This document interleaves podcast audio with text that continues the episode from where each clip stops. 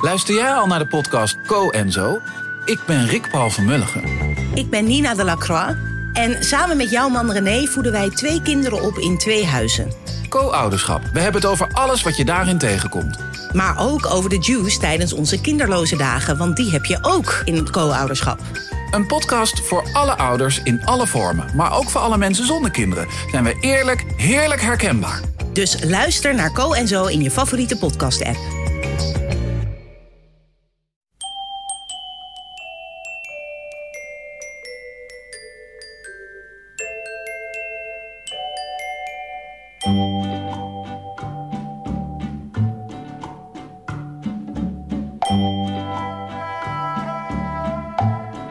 Welkom bij aflevering 377 van Echt Gebeurd, de podcast waarin mensen hun eigen waargebeurde verhalen vertellen.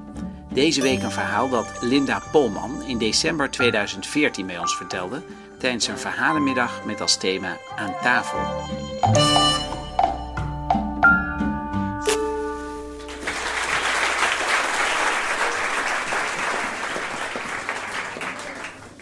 Uh, dit gebeurde ongeveer een jaar geleden in Texas, in de Verenigde Staten. Uh, ik ben journalist en ik schrijf over de doodstraf in Texas. En november vorig jaar zou een man um, die al 21 jaar in een dodencel zat in Texas, die zou geëxecuteerd worden. En um, ik wilde graag afscheid van hem nemen, dus ik ben er naartoe gegaan. Uh, omdat, om die laatste week van zijn leven mee te maken. Um, die man, uh, het, dat, het, klinkt allemaal, het klinkt natuurlijk allemaal verschrikkelijk dat iemand geëxecuteerd gaat worden. Maar deze man die snakte ernaar. Die zat er al 21 jaar, die was ontzettend ziek, die had overal pijn. Uh, hij kroop heel vaak op handen en knieën, kroop hij door die gevangenis heen omdat hij niet meer overeind kon staan. Dus die man die was er heel erg aan toe, zal ik maar zeggen. Uh, en die beschouwde het ook als een soort euthanasie. En dat maakte die laatste bezoeken aan hem, maakte hij heel luchtig omdat hij, uh, ja, hij keek uit naar iets waar die, uh, wat hij heel graag wilde. In plaats van naar een heel vervelend einde. Dus hij maakte dat voor iedereen wel heel makkelijk om die laatste week bij hem te zijn. Nou, in zo'n laatste week gaan er allerlei merkwaardige protocollen gaan spelen. Bij zo'n uh, executieritueel. Want dat is het, hè? Het is een groot draaiboek. En al die stappen in dat draaiboek van zo'n executie en de voorbereidingen daarvoor. die moeten gevolgd worden. En een van die protocollen is dan dat in de laatste week van zo'n van zo'n mensenleven. Uh, mag die man de hele dag bezoek ontvangen. Gewoonlijk is dat maar één keer per maand, een paar uurtjes. Maar die laatste week mag hij dan acht uur per dag uh, mag hij bezoek ontvangen. Uh, nog steeds geen lichamelijk contact. Hij zit aan de ene kant van het raam, het bezoek zit aan de andere kant. En je praat met elkaar door zo'n telefoon. Maar niettemin, uh, er kwamen, tijdens die bezoeken kwamen er heel veel dingen die nog geregeld moesten worden. Um, uh, een van de dingen waar hij zich dan geen zorgen meer over hoefde te maken, dat was de laatste maaltijd, het galgemaal. Want dat hebben ze gewoon afgeschaft in Texas een jaar of twee geleden. Dat krijgen ze niet meer. En iets anders waar hij zich nog wel druk om maakte, dat waren zijn laatste woorden. Want ook dat is deel van dat ritueel. Als je eenmaal bent vastgebonden op zo'n executietafel, dan uh, je ligt daar zo met je armen gespreid. En dan zakt er een microfoon uit het plafond naar beneden, zo boven je lippen. En dan vraagt de gevangenisdirecteur, heeft u nog een, laatste verklaring? En die kans die krijg je dan, dan mag je nog zeggen wat je wil.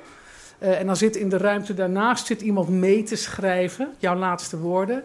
En ja, hoe dat precies werkt, dat is dan ook dat protocol. Diegene die dat notuleert, die schrijft echt alles op. Hè? Die denkt er helemaal niet bij na verder. Die schrijft gewoon ieder woord en iedere zucht wordt genotuleerd. En dat wordt dan later gepubliceerd op de website van zo'n gevangenissysteem. En dat staat daar dan tot in de eeuwigheid. Dus je hebt dus hele rare notulisten die dan ieder kuchje, kuch staat er dan, of een ter dood veroordeelde die uh, op, de, op de vraag: Heeft u nog iets te zeggen? Dan zegt hij nee. En dat is, dus dat zijn laatste woorden: nee. Uh, of uh, als een notulist er geen zin in heeft, dan schrijft hij gewoon op mompel, mompel, mompel. Dus het, het luistert heel erg nauw wat je, wat je als laatste woorden kiest. Dat je er wel een beetje knap bij staat uh, voor in de eeuwigheid op zo'n website. Dus daar was die ter dood veroordeelde erg mee bezig. Hij heette Jamie trouwens. Wat moest aan zijn laatste woorden worden? Moest dat uh, heel bitter zijn? Of moest dat heel vrolijk zijn? Of zou hij nog een grap maken? Of zou hij niks zeggen? Dus daar hebben we het, hebben het over gehad. Wat die laatste woorden moeten zijn. Hij kwam er niet helemaal uit. Um, nou ja, hij nam bijvoorbeeld uh, afscheid van zijn zoon. Hij had een zoon. Uh, en die jongen die was, uh, die was uh, inmiddels 22. Hij was een jaar toen zijn vader naar death row werd gestuurd. Ehm, heeft zijn vader wel een beetje bijgehouden in al die jaren. Maar zo in die laatste week kwam die jongen weer boven water om zijn vader op te zoeken. en dat was een high school dropout. Die zat een beetje thuis bij zijn moeder in zo'n hele arme wijk in Houston ergens. Um, en die deed niks met zijn leven. Die zat een beetje te, te gamen en foto's op Facebook te plaatsen met, met Van Datum. Um, dus die vader maakte zich daar zorgen over. En die, zei, uh, die sprak zijn zoon nog voor de laatste keer toe: van jongen, uh, uh, zorg er nou voor dat je een baan vindt. En de aanbeveling die hij dan deed aan zijn zoon was: word cipier in deze gevangenis. Want ze komen altijd mensen tekort. Ja.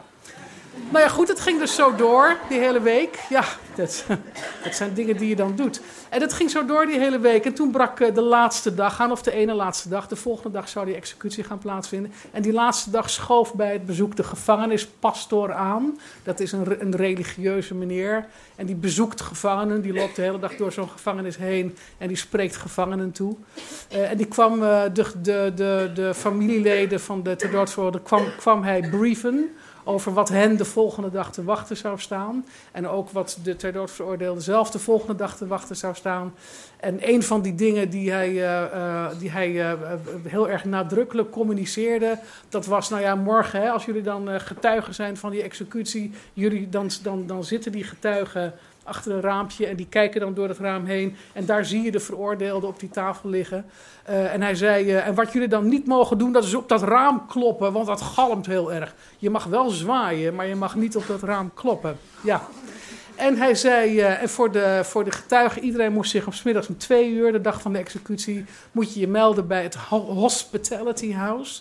Dat is een soort guesthouse van een, een of andere baptistenkerk daar. Ze zijn natuurlijk religieus tot achter hun oorlellen daar in, uh, in Texas. Dus je moest je dan melden om twee uur smiddags bij dat Hospitality House. Of s'avonds om zes uur vindt zo'n executie plaats. En in dat hospitality house, uh, daar, uh, daar krijg je nog je allerlaatste briefings. En er wordt bovendien een lunch aangeboden voorafgaand aan de executie. Nou ja, goed, wij dus uh, smiddags om twee uur de volgende dag naar dat hospitality house. En je wordt geparkeerd aan een grote keukentafel. Um, en dan hangen er schilderijen van Jezus aan de muur. En een groot beeldscherm, plasma beeldscherm aan de muur. En daar verschenen dan dia's op van watervallen met bijbelteksten daarbij.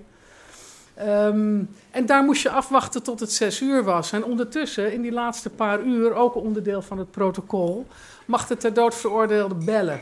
Hij krijgt een telefoon in zijn cel. Hij zit dus in een gevangenis die verderop in de straat staat. En hij mag vanuit die cel in zijn laatste paar uur, mag hij nog telefoontjes plegen. Um, en dat deed hij naar de telefoonlijn van dat hospitality house. Want daar zaten immers zijn familie en zijn vrienden.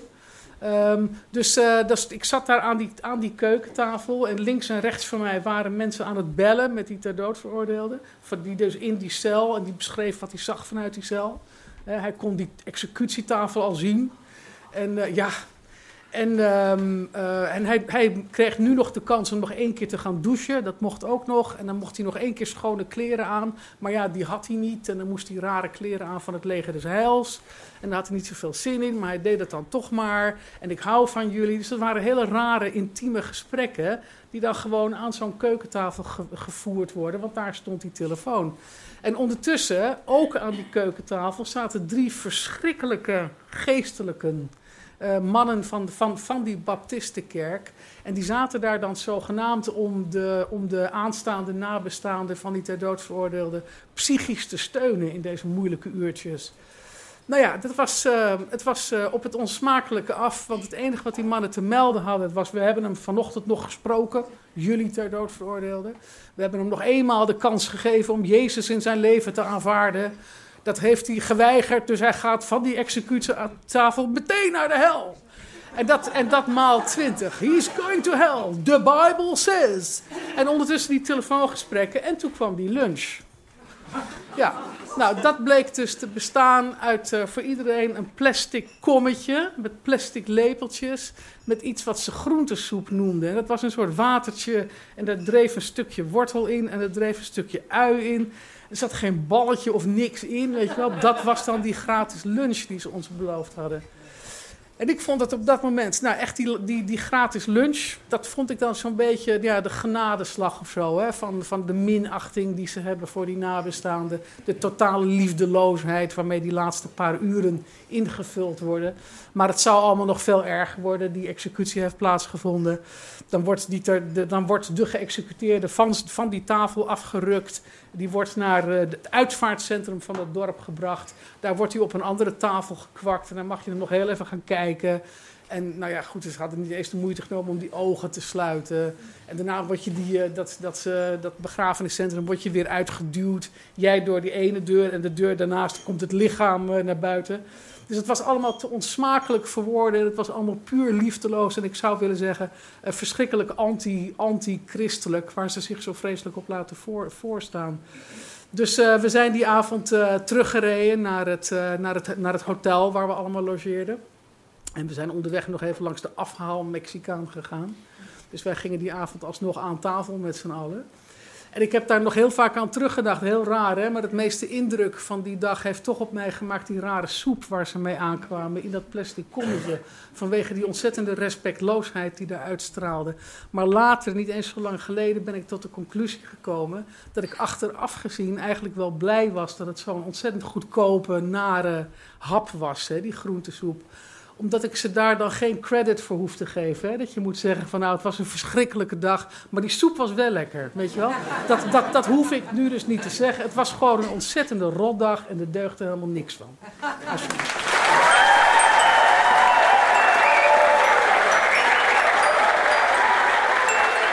Dat was een verhaal van Linda Polman. Het boek waarvoor ze naar Texas vertrok is uiteindelijk Death Row Dollies gaan heten.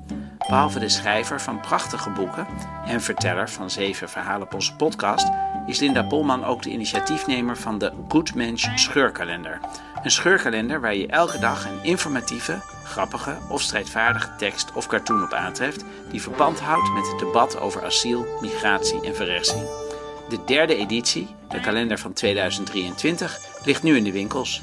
Koop de Good Mensch kalender, zou ik zeggen. Dit was aflevering 377 van Echt Gebeurd. De redactie bestaat uit Paulien Cornelissen, Tom van Rooyen, Renette Kwakkerbos, Bijke Aarts en mijzelf, Micha Wertheim. Productie Hanne Ebbingen, zaaltechniek Nicolaas Vrijman, podcast Gijsbert van der Wal. Volg ons op Facebook, Instagram of Twitter. En steun ons als je het missen kunt via vriendvandeshow.nl forward slash. Maar je mag ook een 5 sterren review in de iTunes Store geven. Tot volgende week en vergeet niet, je kan altijd nog cipier worden.